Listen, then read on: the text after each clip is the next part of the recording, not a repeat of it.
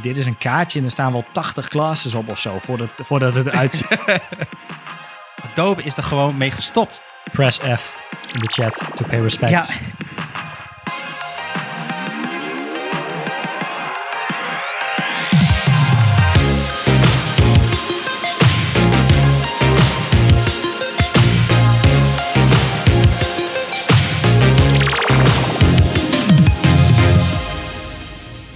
Welkom bij de Pixel Paranoia podcast. Ik ben Mikelle en samen met mijn co-host Rick gaan we alles behandelen rondom UX, UI en front-end development. Uh, we hebben een volle aflevering vandaag en uh, zoals altijd hebben we die ingedeeld in drie onderdelen, namelijk de aside, de main en de footer. En deze aflevering gaat de main over functional CSS. Maar laten we eerst beginnen met de aside. Rick, heb jij een aside? Ja, mijn uh, aside deze aflevering is het 2020 UX Tools ehm, survey uitslag eigenlijk.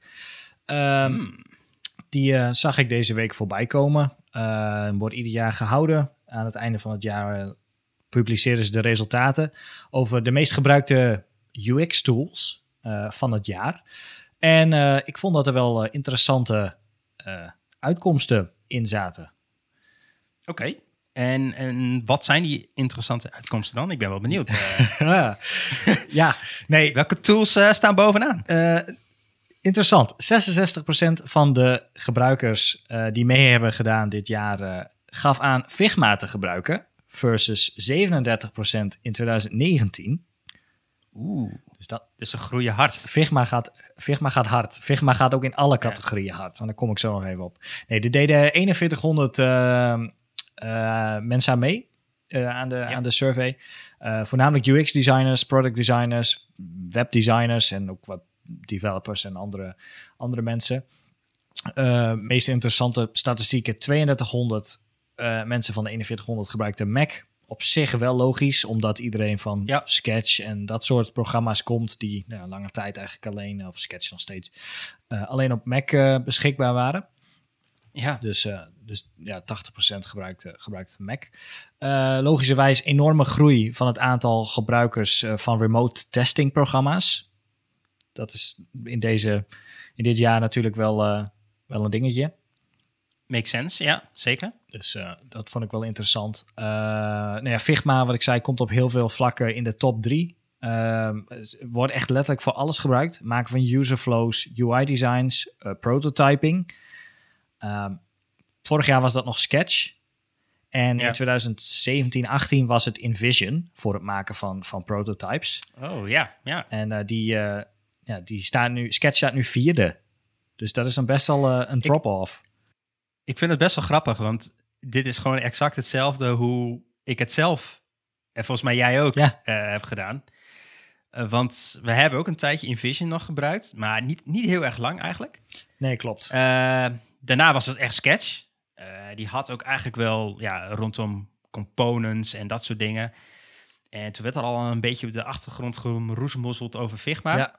Dat, uh, nou, dat moest toch wel de, de sketchkiller zijn. En uh, nou, dat, dat heeft ze dus voor elkaar gekregen. Ja, ik, ik verbaas me erover hoe snel ze dat programma...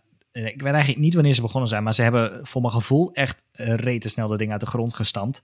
En ook ja. heel veel features erin gebouwd die nou ja, bij Sketch ontbraken. Ze, inmiddels uh, zijn ze een beetje een inhaalslag aan het maken, maar Figma loopt wel hard, hard vooruit.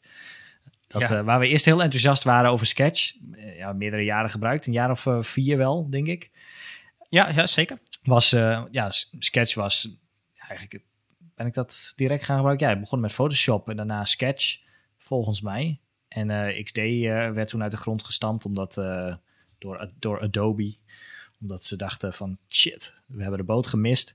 ja, we hebben de boot gemist. Dus, uh, nou, die hebben wel even last gehad van Sketch, denk ik, destijds. Ja, daar zijn ze vervolgens uh, Adobe XD uh, ja, ja, ja, ja. op gaan ontwikkelen. En die heeft, heeft nog een, een, een tijdje ja, ook wel achtergelopen. die, begin, die zijn nu ook wel druk aan het inhalen, volgens mij. Ik, heb het, ik gebruik het nog voor, nou, in ieder geval nog één klant. Uh, van ons. Uh, omdat het, het, bestanden zijn allemaal nog XD-files en nou ja, dan ga je daarin door. Mm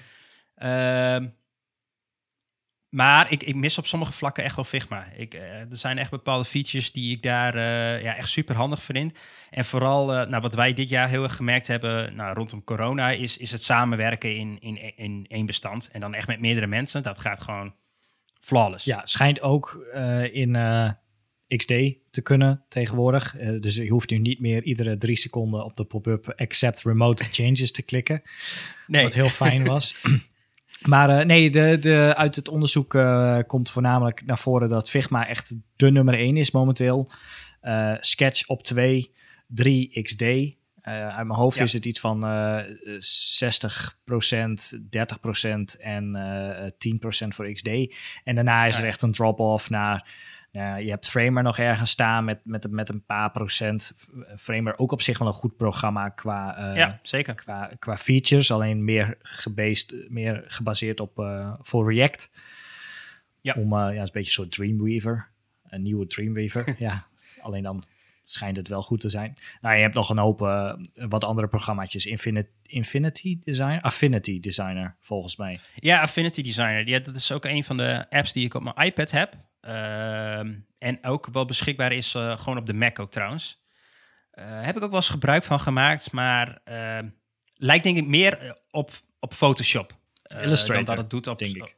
En Illustrator, ja. En, en dus Photoshop en Illustrator, het, daar lijkt het meer op dan dat het het doet op Sketch of Figma. Ja, check. Je merkt toch bij Sketch en Figma dat die echt, ja, die zijn echt in het ja, je kunt er wel van alles mee, maar wel echt op webdesign en gefocust op componenten maken en, en, en artboards en nou, dat soort dingen. En, ja, ik, nou, ik weet nog dat we twee jaar geleden, of vorig jaar misschien, nee, anderhalf jaar geleden, heel enthousiast werden van Sketch. Die kwam met, uh, aan het einde van het jaar ook met een uh, hele toffe video. Met binnenkort kun je samenwerken in één document, shared libraries, uh, you name it allemaal. Alleen ja. Figma beat hem. Figma was, e Figma was eerder. En uh, nou, die heeft de afgelopen paar maanden ook uh, hele toffe features eruit gebouwd. Waardoor ja, iets meer, als je verstand hebt van HTML, CSS, Flexbox eigenlijk in Figma zit. Waardoor je, ja, je kunt elementen designen en groeperen en heel makkelijk wisselen en uitlijnen. En ja. Ja, de paddings uh, overal en de marges overal goed instellen. Uh, ook nog zelfs zo dat het groeit op basis van de inhoud die je erin typt. Ja, dat is echt gewoon uh, Dus als je een lange titel hebt, dan, dan, dan groeit alles met elkaar mee. En uh, ja, dat is wel heel sterk. Ja, eens. Nee, dat was, dat was mijn aside. Oké, okay, ja, ik heb ook een aside. Ehm, het is al lang geleden aangekondigd, maar het, het gaat eindelijk gebeuren. Flash is end of life vanaf 31 december. Dus Adobe is er gewoon mee gestopt. Press F in de chat. To pay respect. Ja, F to, to pay respect. Ja, nee, klopt. Uh, ja, wel bijzonder, want uh, ik, ik, ik, was even aan het kijken. Ze zijn er al vanaf 1994 is Flash er al. Dat is echt bizar. Ik heb op, uh, op school op mijn opleiding nog uh, iets gemaakt in Flash. Toen was het al, uh, nou nog niet, volgens mij nog niet end of life, maar wel end of development. Het, het, het was, al, het was al, al klaar, zeg maar. Maar waar we de aflevering één of twee ook over hebben gehad, is dat de school gaat niet heel erg uh, hard met hun tijd mee. Dus uh, wij waren nog rustig bezig in uh, Adobe Flash om dingetjes te maken voor het web. Ja, ik, ik heb er ook nog verschillende. Nou, in het begin nog zelfs geprobeerd om websites helemaal in te maken. Want nou, ik ben een beetje begonnen in dit beroep door te kijken naar bedrijven zoals, ik weet niet of mensen dat kennen, maar Too Advanced. Ehm, en je had de website uh, uh, die FWA. Dat is een soort award website. En die begonnen toen eigenlijk alleen maar met super fancy flash websites. En nou, daar dacht ik van, oh, dit moet ik ook. Dit is zo gaaf. Ik moet toffe animaties maken. Ja, en dat maakte Flash toen wel allemaal beschikbaar. Ja, en nu hebben we zo volwassen HTML5 en CSS en, en JavaScript... waar we dit ook allemaal kunnen maken... Dus ja, Flash is gewoon um, overbodig geworden. Het is nog wel lang gebruikt als uh, videoplayer. Ja, ja dat, was, dat was nog zo'n ding toen um, uh, Apple met iOS uh, uitkwam. Met ja. hun eerste iPods volgens mij ook met browser. En daarna ook de iPhones. Want ja, die supporten geen Flash. Het halve web werkte niet meer. En HTML5 was toen, nou ja, dat was al wel uit. Dat was net, maar ja, niemand deed daar nog wat mee met HTML5 video en zo. Maar dat was, uh, iedereen was wel boos. Het halve web was stuk als je op je iPhone uh, of je iPod volgens mij ook nog ja, probeerde te browsen. bijna alle bekende websites, grote websites, hadden allemaal videoplayers van Flash erin zitten. En dat was toen nog niet echt een goede fallback ook. Uh, dus ja, die, dat, dat, dat, ja, dan werk je halve web niet. En ja, dat, is, dat, is, dat werkt niet. Dus, maar we, zijn dat, we hebben die drempel overleefd. En nu is het echt zover dat ja, ze er gewoon echt de stekker eruit trekken. Dus vanaf volgend jaar zijn we gewoon helemaal flash vrij. Eindelijk. Nice, nice. Alright, uh, dan gaan we door naar de main. Functional CSS. Uh, ja, wat is het eigenlijk? Ja, functional CSS, uh, oftewel utility-based CSS, is uh, een manier om je website te stylen met CSS. Maar dan op een andere manier dan dat je waarschijnlijk uh, gewend bent of geleerd hebt op school of uit boeken of hoe je maar hebt leren HTML, CSS'en. Um, wat het eigenlijk inhoudt is dat je, als je het goed doet, geen enkele regel CSS meer schrijft. Maar alleen nog maar classes in je HTML zet. Dus daar heb je verschillende frameworks voor. Die uh, ja, eigenlijk alle CSS-properties met alle varianten die je maar kan verzinnen, hebben uitgewerkt in CSS-classes of in HTML-classes. Die je dus uh, uh, in je HTML kunt gebruiken om elementen te stylen. Dus uh, als voorbeeld, je wil een, een H1, een titel, en die moet groot zijn en bold hebben en hij moet roze zijn. Dan zet je op in je HTML zet je de classes tekst, XL er bijvoorbeeld op, color of tekst, pink, underline, ik noem maar wat. Dat soort dingen. En dan, daarmee kun je dan je, ja, je HTML stylen. Oké, dat is wel, wel vrij bijzonder uh, op de manier nou, hoe je normaal gesproken waarschijnlijk gewend bent. Klopt. Uh, in plaats van uh, alles in CSS schrijven of alles inline schrijven, zou nog kunnen. en hier ga je dus op basis van class names eigenlijk jouw hele styling toepassen. Yep. Oké. Okay. Um, en je gaf al aan, er zijn een aantal frameworks daarvoor. Want ja, je hebt wel iets nodig, die, iemand die dat allemaal, die classes heeft verzonnen en moeten maken. En mm -hmm. ja, dat wil je dan toepassen. Klopt. Uh, bekende frameworks zijn? Tailwind is uh, volgens ja. mij de bekendste. Uh, Tachyons is ook een, wel een bekende, die ik op CSS Day in Berlijn ook wel een paar keer heb terug zien komen. maar ook daar kwam Tailwind voorbij en die leek toch echt wat populairder. En Tailwind ja. heeft net afgelopen november hun 2.0 versie uitgebracht. Waarbij ze ja, een, een, kleine overhaul hebben, of beste overhaul onder de motorkap hebben gedaan. Um, waarbij ze IE11 niet meer supporten. En dat er ook gewoon proud bij zetten. Dat als je dit, als je Tailwind wil gebruiken, dan kun je gewoon tegen je baas zeggen: Ja, sorry, Tailwind support geen IE11. Ja. Ja, ja, dus ja. nee, ze gebruiken heel veel CSS-variabelen en, en dat soort dingen. En de IE11 heeft daar geen support voor. Dus Misschien ook wel terecht om, om gewoon alles een beetje te pushen om vanaf IE11 eens een keer af te gaan. Ja, ja, zeker. Toch? Zeker. Zeker. Oké, okay, dus we hebben, we hebben Tailwind, we hebben Techions. Um, uh, maar ja, ik ken ook wel het bekende framework Bootstrap. Um, ja, dat is volgens mij wel echt compleet anders. Want ik krijg het een beetje het idee bij, bij Bootstrap. nou, krijg je eigenlijk een library met kant-en-klare UI-componenten. Ja. Dus dan moet je denken aan uh, inputs, selects, drop-downs, uh, minuutjes, nou, misschien wel standaard cards. Mm -hmm. Ook wel een, een heel grid framework. Nou, van alles, you name it, dat zit er eigenlijk wel in. Dat is ook wel aan te passen, door middel van variabelen. Mm -hmm. um, maar hoe moet ik dat zien met iets als, als Tailwind bijvoorbeeld? Hoe, hoe, hoe pas je dat daarin toe? Heb je ook zoiets als een, als een grid bijvoorbeeld? Of... Uh, ja, het zijn twee verschillende dingen die je ja, niet helemaal met elkaar kunt vergelijken, maar ik wel deze aflevering met elkaar ga proberen te vergelijken. Ja. Uh, Bootstrap heeft net als Foundation of uh, andere uh, CSS frameworks is inderdaad meer een, um, een component library of een style library, UI, UI kit, UI library. Ja, uh, ja waarbij je inderdaad kant-en-klare componenten krijgt. Kaartjes, menus, you name it. Um, die je vervolgens kunt aanpassen naar wens door variabelen aan te passen. daarmee pas je spacing, kleuren, dat soort dingen pas je allemaal aan. Ehm, dat is met Tailwind niet zo. En bij Tachyons trouwens ook niet. Daar krijg je niks. Je krijgt gewoon helemaal niks. Je krijgt alle classes waarbij je gewoon zelf helemaal los kunt gaan. Ehm, en daarmee kun je alles bouwen. Maar je krijgt geen standaard componenten. Tailwind heeft wel uh, Tailwind UI uh, en Tailwind Components, waarbij zij voor jou met hun eigen classes uh, bepaalde componenten hebben gemaakt. Dus dan kun je inderdaad redelijk snel menus en kaartjes en, en contactformulieren kun je, kun je van hun overnemen. Dus zij hebben de HTML voor je geschreven met al die classes die je dan nodig hebt. Ja, precies. Maar dat is het verschil. Oké. Dus uh, dat betekent wel dat je, ja, je, je moet dat goed onder de knie hebben. Um, maar is het dan ook, ja, is het makkelijk te omarmen? Want ja, ik ben uh, alle CSS-properties gewend. Ik ken al die, uh, al die dingen wel. Ik schrijf eigenlijk daar zelf class names voor. Mm -hmm. ik doe dat op basis van, nou, tegenwoordig veel op, op, op BEM, dus Block Element Modifier. Ja. Um, ja, dat is een manier hoe ik mijn classes omschrijf. Dus dat zijn hele omschrijvende classes. En dan kun je ook nog varianten toevoegen.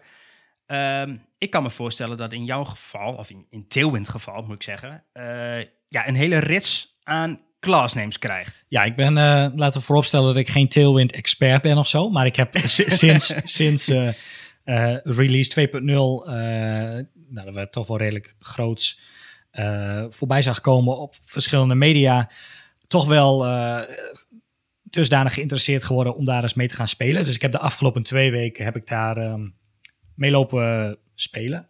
En um, ja. ik heb onze eigen uh, Pixel Paranoia website er ook meegemaakt.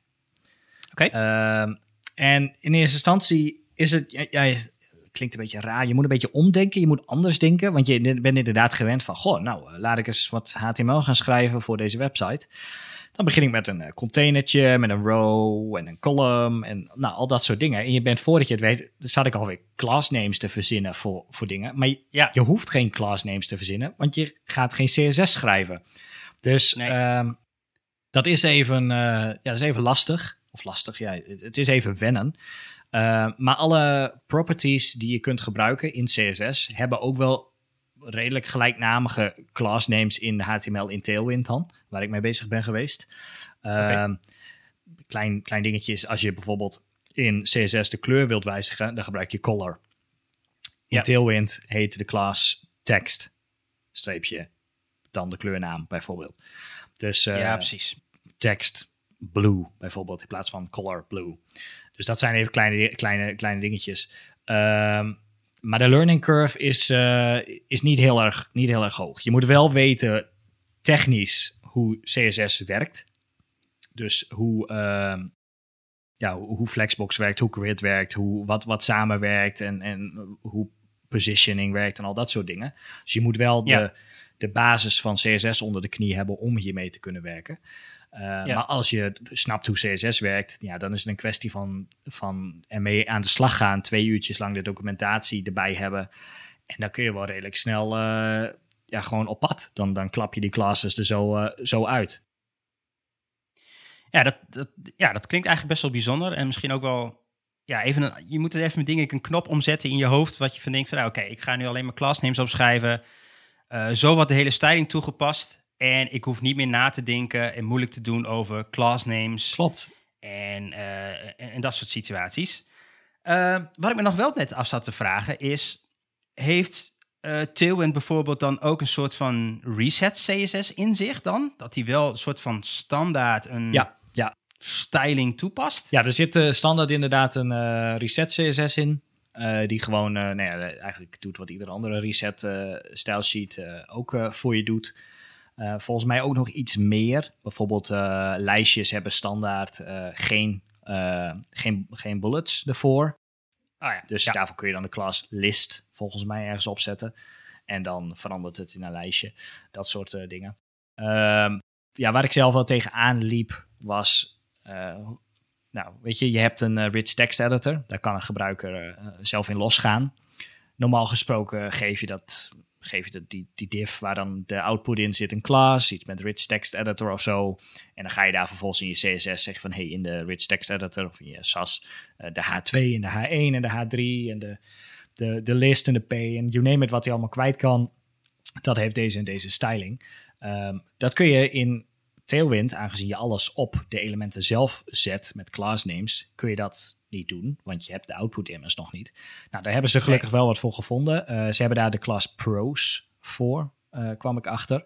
En daarmee, uh, ja, waar we de vorige aflevering al over hebben gehad, Steve Shoker, die, Shoker, ja, ja. die heeft nou, enige tijd gespendeerd om de ideale typografie afstanden tussen titels en paragrafen en lijstjes en ja, al dat soort dingen van wat als de, de een, twee titels achtereenvolgend zijn of een laatste paragraaf en dan nog een titel, dat, dat je geen onnodige ruimte aan de onderkant hebt, al dat soort dingen. Uh, allemaal uitgewerkt. Dus zet je die class op een container, dan zijn alle elementen daarbinnen worden echt gewoon typografisch prachtig gespaced weergegeven. Oké, okay, ja, dat, dat, dat soort dingen zijn wel echt handig. Want ja, ik wilde nog even dat vergelijk maken met, met, eh, met Bootstrap. Ja. Uh, Bootstrap zet, zet een heel framework voor je neer. Uh, nou, wat ik al zei, er zitten een aantal standaard componenten in. Het heeft ook een, bijvoorbeeld een grid systeem in zich, zodat je met, met kolommen kunt werken en dat soort Mhm. dingen. Dus het biedt jou uh, ja, best wel veel snelheid. Je kunt enorm snel een, een website neerzetten. Ja. Uh, wat wel zo is bij Bootstrap, uh, wil je dat, ja, wil je een beetje tegen dat systeem ingaan of wil je echt wel wat custom dingen doen, dan moet je daar wel wat meer moeite voor doen. En dan zul je ook zelf custom CSS moeten schrijven om bepaalde uh, elementen te overschrijven of net iets anders te tweaken of wat dan ook. Ja, dat probleem heb je eigenlijk dus niet met Tailwind, want je bent al custom bezig in principe. Uh, ja, je kunt alle classes in je HTML gewoon wijzigen voor, ja. ja, voor, voor componenten. Dus je hoeft inderdaad niks te, niks te overschrijven, want je kunt de class gewoon weghalen als je hem niet nodig hebt. Ja. Dus dat is inderdaad een, uh, een, een, een voordeel. Ja, theoretisch gezien hoef je dus geen CSS meer te schrijven. Uh, nee. je, je kunt praktisch alles ermee maken. En dat klinkt een beetje uh, spannend. Dat dacht ik in het begin ook van ja, hoe kan ik nou weer met zo'n library waar alles in uitgewerkt zit, hoe kan ik daar nou alles mee maken? Ik gebruik Before's, ik gebruik Artus, ik gebruik allemaal, allemaal, allemaal dingetjes. Weet je, waar je, waar je, wat je maar net moet weten en hoe je dat in CSS moet doen. Maar echt, je verbaast je over alles alles, gewoon alles zit erin. Gewoon, je kunt gewoon alle classes die je maar kan verzinnen, alle CSS-properties, daar is een, is een Tailwind class gewoon voor.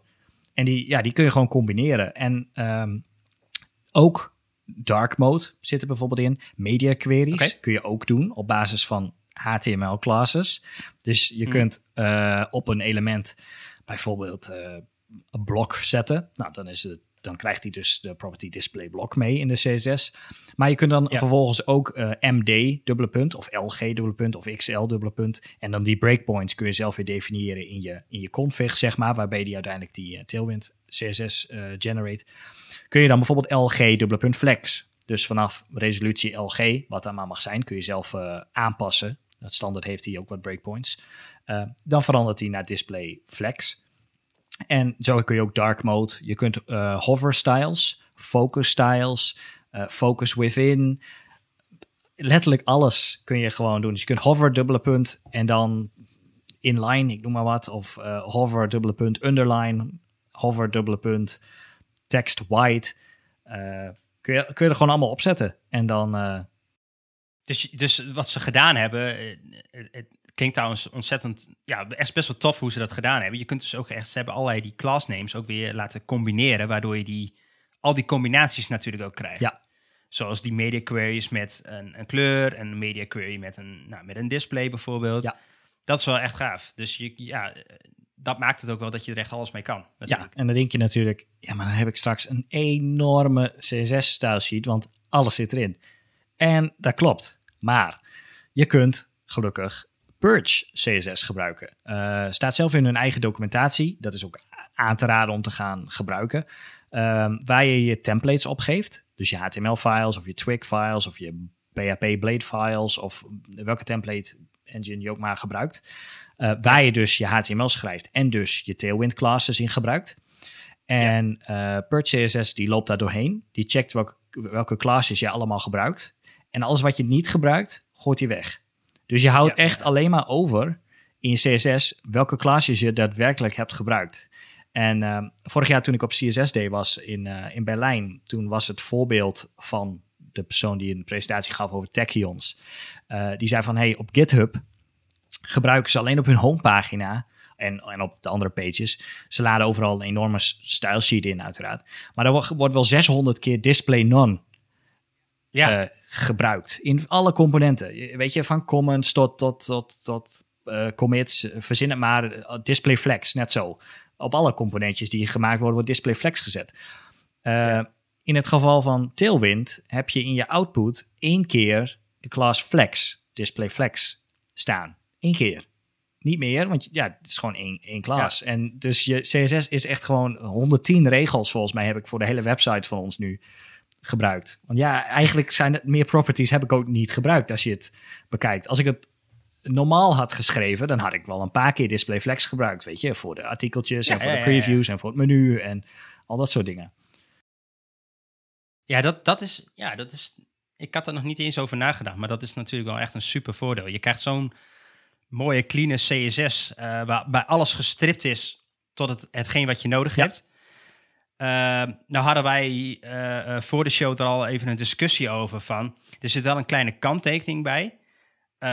want ja, laat jij mensen, bijvoorbeeld hè, gebruik je Tailwind in combinatie met een CMS. En je geeft de gebruiker die de website beheert toegang om zelf bijvoorbeeld classes toe te voegen ja, daar, daar kan je natuurlijk nat gaan. Dus het is belangrijk dat, dat al die opties van tevoren wel al...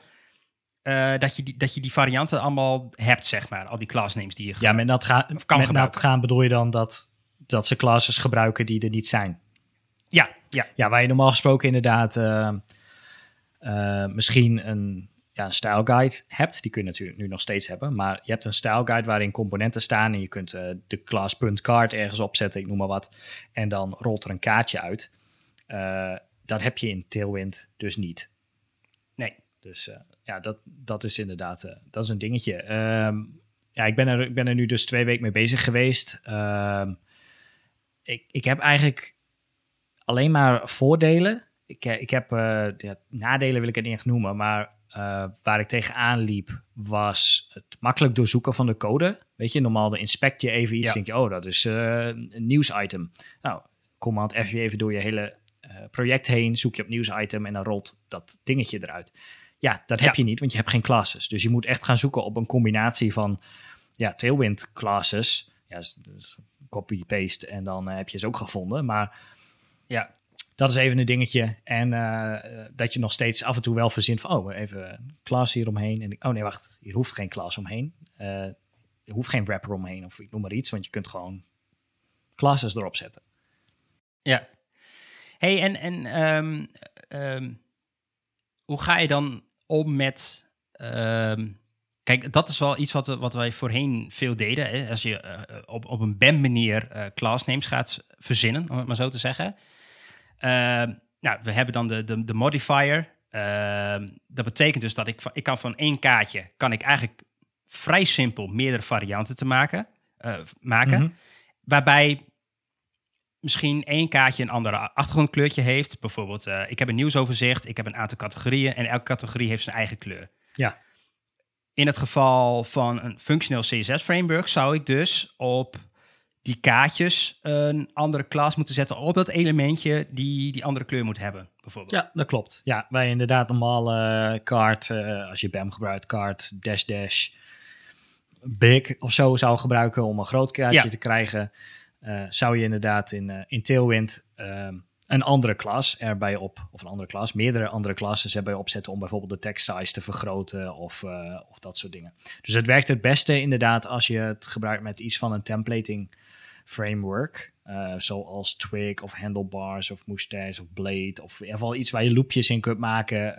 Ja, ja. En, en variabelen mee kunt geven op basis van, van je context. Ja.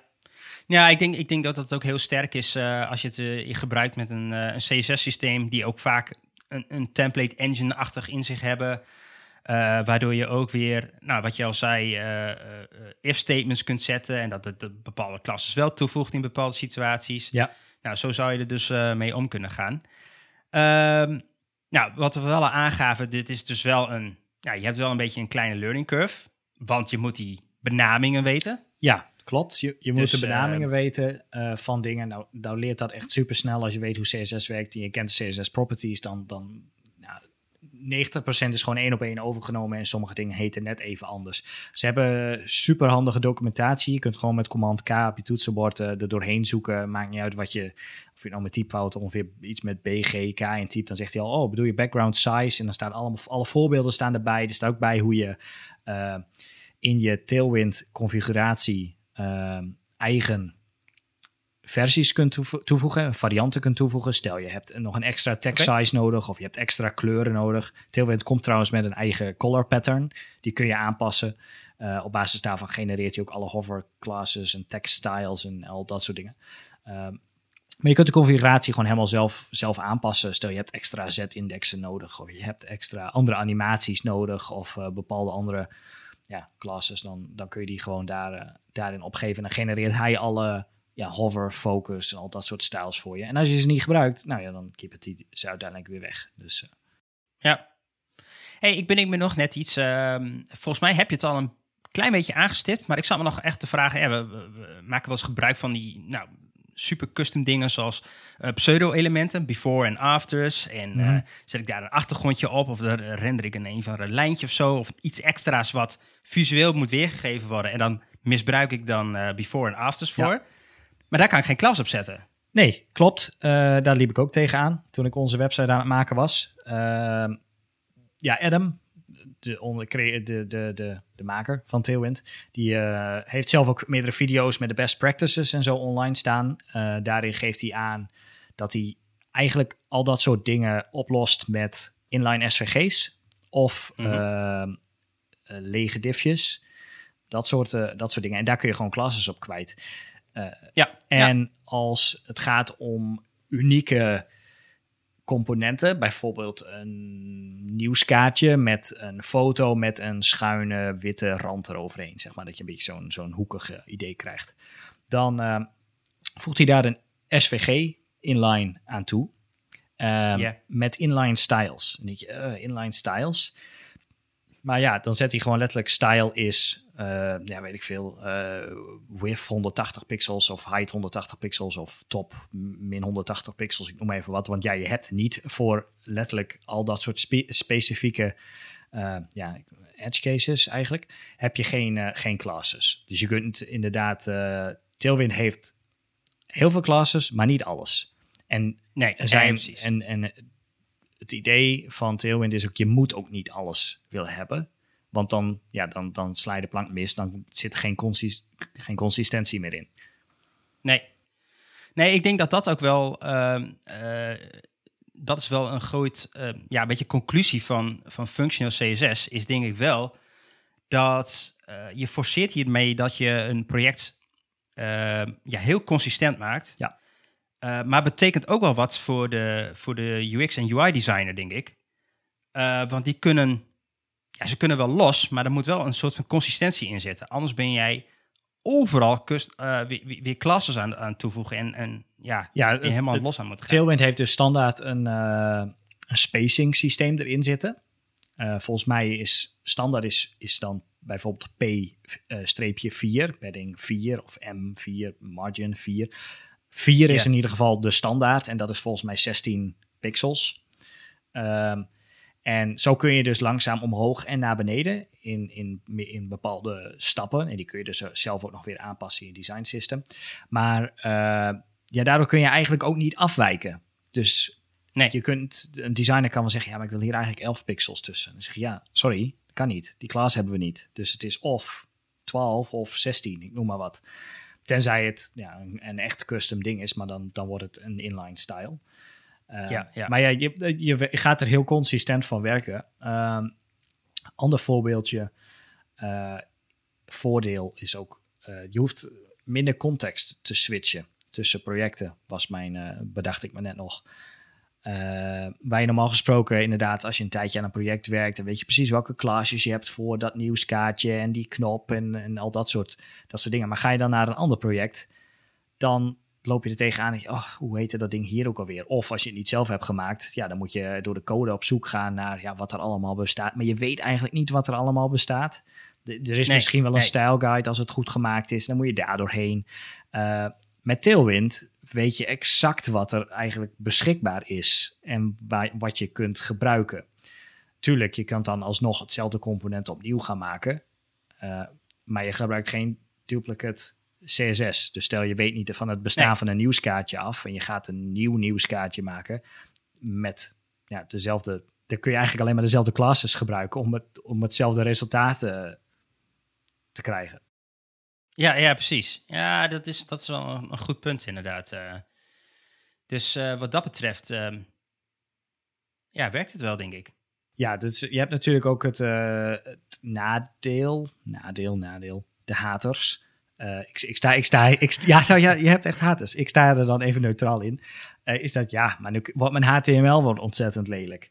Uh, zo grapt Tailwind zelf in hun 2.0 release van... je hebt nu slechts 23 classes nodig om een button te maken in plaats van 25. En dan denk je van, ja, waarvoor heb je in godsnaam 23 classes nodig voor een button? Nou ja, denk aan letterlijk alles van border radius tot achtergrondkleur... tot positioning, breedte, hoogte, padding, margin.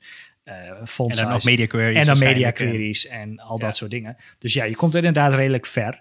Uh, dus waar je normaal je ja, je, had, eh, je CSS aan het uh, ja, bevuilen bent, uh, ben je dan nu je HTML aan het, aan het lelijk maken. Alleen uiteindelijk is je HTML wel groter, want je hebt meer classes, dus je hebt meer characters in je HTML. Maar goed, kijk hoeveel het scheelt in je CSS. Ja. Nee, dat is, dat is een goed punt. ik denk ook dat performance-wise valt hier ook wel wat van te zeggen. Dus um, ik, ik, ik denk dat ik zie dit wel. Uh, ik, ik, ik ben wel heel erg. Uh, ik heb er nog niet heel erg veel mee gewerkt, maar ik, ik vind het echt interessant. En het klinkt ook wel als iets uh, wat ik ook wel gewoon moet proberen. Um, en en wat ik me nog afvroeg, hoe zit dat met. Ja, ik weet niet of je dat al gedaan hebt of, of niet, maar hoe zit het met samenwerken en zo? ja, eigenlijk maakt het niet zoveel uit. Hè? Als je denkt, als je alles opknipt in componenten, ja, dan is iedereen in zijn eigen componentje misschien bezig. Nou, je werkt eigenlijk alleen nog maar in je HTML, dus dat is één. Ja. Ehm, als je verstand hebt van CSS en je leest de HTML, dan kun je aan de classes dus zien hoe iets eruit komt te zien en hoe dingen functioneren. Dat heb je niet als je normaal naar HTML zit te kijken met een class, uh, nieuwsartikels met erin een nieuwsartikel. Ja, geen flauw idee wat het doet. Dan moet je CSS erbij hebben om te kijken van, oh, hij flext en hij staat links, rechts, boven, onder. Ja, ja. Ehm, dat kun je nu allemaal in je HTML zien. Um, en inderdaad, als je gaat samenwerken, uh, wat ik net zei, je hoeft minder context te switchen. Dus je hoeft niet te weten van het bestaan van ja, bepaalde, bepaalde elementen. Je kunt gewoon, je zou letterlijk gewoon zo in een project kunnen starten, st eh, rollen en gewoon beginnen. Ja. Want ja, je snapt CSS, je weet welke classes er zijn. Uh, geef, geef, als iemand je een design geeft, dan kun je die gewoon gaan maken. Je hoeft niet na te denken over of er al een variabele is voor die padding of die margin of die border radius en of je het wel goed doet. Als het goed is, staat, zijn al dat soort ja, uh, design system dingen, die staan in je Tailwind configuratie. Dus de border, als jij border radius uh, eh, 4 gebruikt, dan komt het gewoon goed. Dan kun je, je kunt gewoon niks fout doen. Nee, nee, dat, dat, dat is inderdaad zo. Uh, je kunt uh, niks fout doen. Ik, ik ben nog wel benieuwd naar. Um, de, daar zou ik nog wel te denken. Dat zou een voordeel kunnen zijn van, het, van andere systemen. Is het hergebruiken van, van componenten. Nou zou je. Als je, denk ik, als je een project opzet en jezelf aanleert om daar een mooi uh, ja, component library voor te maken, is dat nog niet zo heel erg. Maar ik kan me voorstellen dat je hebt van, hey, ik heb in dit project een, een hele mooie navigatie gemaakt. Mm en die wil ik hergebruiken. Ja. Uh, dan moet ik dus dat, dat, dat bestand... Ja, je zou natuurlijk alle HTML kunnen overhevelen en dan heb je dat weer. Uh, dan heb, je, ja, dan heb je die classes weer. Als je natuurlijk afwijkt van de standaard, dus je gebruikt... Uh, je past de media queries aan, of je past de kleuren aan, of je past de, de standaard margins en padding aan. Ik doe maar wat. Um, en je gebruikt het in een ander project, dan zal je menubalk er daar wel anders uitzien. Ja, ja, ja, ja. uiteraard. Maar je kunt, je, ja, je kunt gewoon een, een design system als Fractal of Storybook of wat je maar wil gebruiken, eh, kun je gewoon gebruiken met, eh, met, met Tailwind, met, met dan al die classes erop. Ja, ik heb, ben er nu twee weken mee bezig geweest. Of nou, twee, ik ben er niet fulltime twee weken mee bezig geweest, maar ik heb me er twee weken in, in verdiept en eh, ik ben, ben Ja. er een paar dagen mee bezig geweest. Maar ik ben best wel enthousiast, waar ik in het begin toch wel terughoudend was. En dacht van ja, maar hier moet ik, wil ik hier wel aan beginnen? En als je dan hun voorbeeld bekijkt op hun website van kijk hoe simpel het is, denk jezus, dit is een kaartje en er staan wel 80 classes op of zo voordat, voordat het eruit ziet. Wat moet ik hiermee? Maar als je er dan mee bezig gaat, dan, ehm, dan valt het eigenlijk allemaal wel op zijn plek. Je moet af en toe even wat, eh, waar ik dan nu nog mee bezig was, de documentatie erbij hebben en, en wat voorbeeldjes om, om even in die logica te, te, te gaan, zeg maar. Van de- hoe, hoe begin je inderdaad als je geen grid hebt? Weet je, stand, standaard gewoon, oh, container, row, eh, column, bla bla bla bla bla. Dat, dat, dat zit er niet in. Ehm, ze hebben wel classes voor CSS Grid en, en breedtes en al dat soort dingen en max widths. En, dus ze hebben ook wel wat voorbeelden van hoe je dat, ehm, hoe je dat opzet met, met Tailwind. Maar eh, ja, het is even anders, eh, anders denken. Maar het, werkt wel redelijk eh, ja, snel. Dus, Je, je, hoeft niet meer, je hoeft geen CSS meer te schrijven. En als je het ja, in de verschillende configuratiemogelijkheden die er zijn, runt met Gulp of wat je ook maar wil gebruiken, Webpack of zo, dan eh purge die gewoon alles wat je niet nodig hebt en komt er gewoon een hele clean CSS-stylesheet uit. Nice. Klinkt, eh, klinkt zeker tof. Ehm, en is er nog een bepaalde manier waarop jij, eh, manier van, van volgordes of zo, of, of hebben ze best practices die ze ook uitleggen ehm, op hun website? Of- Je bedoelt de volgorde van classes in je HTML? Ja, ja. Ehm, heb, ben ik nog niet tegengekomen. Wel een kameraad gesproken die hiermee bezig is geweest. Die zegt dat wel, volgens mij in VS Code zit wel een eh, plugin die de classes op volgorde zet. Want waar je natuurlijk in je CSS, als je ouderwets CSS schrijft, dan, eh, dan heb je misschien een, voorkeur of je doet het alfabetisch of je doet het op basis van display, tekst, eh et cetera. Iedereen heeft daar wel een volgorde in. Dat wil je dan in je HTML eigenlijk ook wel terug hebben. Nou, er zijn dus wel plugins die dat automatisch voor je op volgorde zetten. Ik begreep dat als je er langer mee bezig bent, je, eh, als je een design naast je hebt en je gaat dus de HTML en tegelijkertijd ook de CSS eigenlijk schrijven, Ja. dat je meestal wel een volgorde hebt voor jezelf hoe je dingen doet. Dus je gaat eerst even kijken, oh, waar, waar- hoe is hij gepositioned? Eh, hoe, hoe ziet hij er visueel uit? Achtergrondje, border radius. En dan volgens je naar tekst kijken en dan zet je het in die volgorde erop.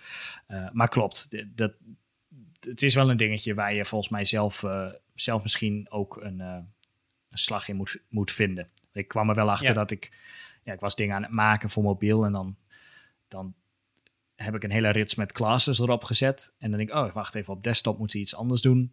En dan schrijf ik die class voor de tekst, schrijf ik er achteraan. Terwijl de rest van mijn tekststyles voor ja, mobile first ergens in het midden staan, zeg maar. En dan is het weer minder makkelijk terugvinden van, oh, dat hoort daarbij. En terwijl Ja, ik dit ja. zeg, eh, dan nog een ander klein nadeel dingetje is debuggen. Eh, waar je normaal gesproken gewoon een element inspecteert en denk je, "Jee, waarom gaat dit dingetje stuk? En dan kun je lekker classes aan en uitzetten, of classes, properties aan en uitzetten. Eh, Ja. Heb je hier een element waar je eh, 23 classes op hebt gezet, die dus 23 eh, ja, losse dingetjes in je, in je inspector hebben staan, die je dus individueel moet gaan uitzetten. Of je moet de classes uit gaan zetten, wat ook wel kan. Eh, is iets minder makkelijk. Misschien is daar ook iets voor, weet ik niet. Zover ben ik nog niet. Maar eh, dat, dat is wat ik tegen, tegenkwam. Zou niet verkeerd zijn om dan een soort van checkbox lijstje te hebben waarbij je classes makkelijk uit kan zetten in je, in je developer console of zo. eh. Je, ja, dat is er wel. Je kunt wel makkelijk classes uitzetten in je developer console. Ja, oké. Ja, nee, ik dacht, omdat je, hè, je wilt debuggen, dus je, wil, je hebt dan eh, 23 classes Oh, staan zo, op je, ja. Op je element en dan wil je een paar uitzetten. Ah, je doet dit, of ik wil hem één veranderen. Ja, ja. Nou ja. En, ehm, Ik kan me wel voorstellen dat dat iets, eh, iets lastiger kan zijn. ja. En wat wilde ik net nog zeggen? Nou, weet niet meer. Nee, maar ehm, oké, functional CSS. Is dit dan, eh, moeten we dit nou allemaal gaan gebruiken? Is dit het? Of zitten er ook nog wel voordelen in, in andere frameworks, manieren van? Of... Ik weet niet, ik sta er neutraal in. Ik heb het nu, eh, ja, meerdere uren gebruikt. Ik, ik word hier wel enthousiast van. Ik, ik zie hier wel een hoop, uh, hoop voordelen van. Ik, ik moet er nog wel wat dieper induiken hoe je dit voor echt grote projecten gaat gebruiken, zeg maar. Dat, dat kan hoor, want er zijn meerdere grote bedrijven die dit gebruiken. Uh, maar dan moet ik nog even spelen met die configuratiefiles om echt zeg maar je eigen paddings en hoe werkt het als je meerdere kleurenschema's hebt en allemaal van dat soort kleine haken in de ogen. Uh, maar dat kun je allemaal, uh, kun je allemaal aangeven. Dus ik, ik word, hier wel, word hier wel enthousiast van. Vooral omdat de context switching er niet meer is. Je kunt weinig fout doen. de CSS is heel clean. Waar je ook niet bang voor hoeft te zijn is als je in je huidige oude CSS dingen gaat wijzigen dan weet je niet waar het allemaal omvalt. Dus je hebt zo'n nieuwskaartje, je gaat zo'n klas aanpassen. Je denkt van ja, pas hier even de padding aan. Gaat wel goed, denk ik. En dan gaat het schijnbaar ergens dus toch fout. Nu ga je gewoon een HTML-klas aanpassen op een element. En ja, dat, dat gaat alleen maar daar, zeg maar, daar fout. gaat alleen maar daar fout. Of, goed. Dus ja, dat, dat, is een, uh, dat, dat is nog een dingetje. Ja, oké. oké. Nou, dat is, uh, het, ik ben ook wel serieus uh, um, ja, ook wel geïnteresseerd. Dus ik, ik, ik ga daar ook eens een keer wat meer in, in verder in uitzoeken en, en in doen en proberen. Ehm, ik denk dat we alle linkjes en beschrijvingen die we allemaal genoemd hebben uh, van de diverse frameworks ook even weer in de beschrijving zetten van uh, deze aflevering. Uiteraard. Uh, dan kun je het allemaal weer even rustig nalezen en, en, en bekijken. Um, en ook even een link, een link naar de best practices die die beste Adam had gemaakt, die video's. Ja, ja. En dan nou, kun je ermee spelen, kun je mee aan de slag. En nou, wie weet horen we de reacties wel van mensen uh, wat ze ervan vinden. Ik, ja, ik ga het sowieso gebruiken voor wat kleinere projectjes. En ik hoop dat we het ook een keer voor een groot project kunnen gaan gebruiken. Alright, ehm, gaan we door naar de footer. Ehm, heb jij een, een leuke tip of heb je iets voor in de footer? Ja, een leuke tip wel. Pablo Stanley is ex-lead designer van ja. Envision. Uh, hele toffe gast. Ja, ik ken hem verder niet, maar uh, hij lijkt me een hele toffe, hele toffe gast. En uh, die post, post heel veel op Instagram en op Twitter ook. en hij, hij, heeft, ja, hij heeft hele leuke video's, tips voor Figma, design dingen. Hij is de creator van Blush.design. Ja. dat is zijn eigen, nou, heeft hij samen met, met nog wat andere designers gedaan. een soort online generator voor getekend artwork. Dus poppetjes, zeg maar, figuurtjes en uh, office spaces, al dat soort dingetjes. Ook plugins voor uh, Figma en Sketch. Rollen SVG's uit als je het abonnement hebt en anders zijn het PNG'tjes. Maar je kunt gewoon ja, als je, je je website of je design wil op, opspicen met wat, uh, ja, wat grappige getekende figuurtjes die op hun telefoon zitten of aan tafel of met een hond lopen. Of ik, ik verzin maar wat. Je kunt uh, uit dropdowns gewoon letterlijk selecteren wat voor hoedjes ze op moeten hebben en shirtjes aan moeten hebben en wat voor dieren ze moeten uh, vast hebben. Ik, noem maar wat. Je kunt, kunt helemaal losgaan. Maar dat, dat is, dat is een, leuk om te volgen. Pablo Stanley. Ja, ik, ik, ik volg hem ook al een tijdje. Ik denk al sinds ik weet niet. Ik heb hem op een van de conferentie gezien, gehoord. Een hele enthousiaste gast met, met ontzettend veel humor. Ja. En ik ken hem ook van Humans. Ja. Dat is een uh, website van hem waar hij uh, begonnen is met die poppetjes in ieder geval. En volgens mij dacht hij van, uh, nou, er zijn veel meer designers die die dingetjes maken. En heeft hij inderdaad met, is hij met Blush begonnen. eigenlijk, ja, eigenlijk, eigenlijk een soort design system voor te tekeningetjes. Je kunt allemaal verschillende dingen combineren. Dus dat is wel, uh, dat is, dat is schijnig. En hij heeft ook best wel veel invloed op het uh, design team van Sketch en Figma. Hij, hij, maakt, hij maakt een beetje sketches op Instagram, waarbij hij dan uh, Figma en Sketch uh, per persifleert. en dan passen ze ook, past de Sketch en Figma ook daadwerkelijk hun Twitter bio's en naam aan. Dus dat is wel, uh, dat is wel geinig. Ja, hij heeft een, uh, heeft een grote following uh, volgens mij uh, inmiddels opgebouwd. Dus ze, ze, luisteren wel naar hem. Ja. nee, cool. Um, ik heb ook een tip. Um, en hij staat volgens mij ook in jouw UX-tool survey. volgens mij is, wordt hij daar ook in benoemd. En het gaat over Miro. Ah, en Miro is een, um, ja, een soort van online whiteboard deelding. Uh, nou, je kunt, je kunt er echt van alles mee doen. Um, en, en zeker in deze tijd waarin we toch allemaal remote werken, is, is voor ons eh, eh, echt een uitkomst geweest. Eh, het is, eh, je kan het gratis gebruiken tot maximaal drie boards. En anders is het één, voor één editor ongeveer 8 dollar per maand, eh, dus per teamlid. En dat, dat, kun je dan langzaam uit gaan uitbreiden. Check. En je kunt dus live eh, met elkaar in één whiteboard zitten. En je kunt daarin van alles in maken. Eh, je kunt daar custom journeys in maken. Je kunt daar eh dagstarts in houden, sprintboards in bijhouden. eh, user flows in maken. Ja, you name it. En allemaal live. En tegelijkertijd ehm houd netjes versies bij. Het is een, het, ja, wat dat betreft komt het aardig in de vaarwater dingen van Figma misschien wel. Ja, het is niet helemaal een design tool, maar En we hebben het meerdere keren gebruikt bij wel wat grotere klanten om online, eh, eh, ja, met, op afstand met een heel team inderdaad te brainstormen over, eh, Ja. over verschillende, verschillende dingen. Ik zit even snel in de UX survey te kijken inderdaad. Miro, Miro was vorig jaar 5% eh, in gebruik. Momenteel dit jaar 33%. En Kijk. het is inderdaad de primary tool voor brainstorming online. Met de Figma op de tweede plek. ja, precies. En, en wat nog wel even goed om te melden is, het is echt niet alleen voor, voor UX of UI designers. Eh, ik heb ook menig projectmanager hierin zien werken. Eh, andere mensen. Het, het, is, het is gewoon een online whiteboard. Eh, maar het werkt gewoon erg fijn. En het werkt beter dan ja, eigenlijk wel veel tools van of Google of Microsoft, waarin je dat ook wel een beetje kunt. Maar ja, ze geven gewoon best wel wat handige tools aan, eh, voor je om alvast ja, user flows te maken. Of andere dingetjes. eh, nou ja, Ja, we hebben het. eh, Dus, ik, heb, ehm, ik heb het ook geprobeerd in Microsoft Whiteboard of zo. Heet het volgens mij. Het zit, in- zit ook in Teams. Dacht Ja. ik, nee, dat werkte helemaal voor geen meter.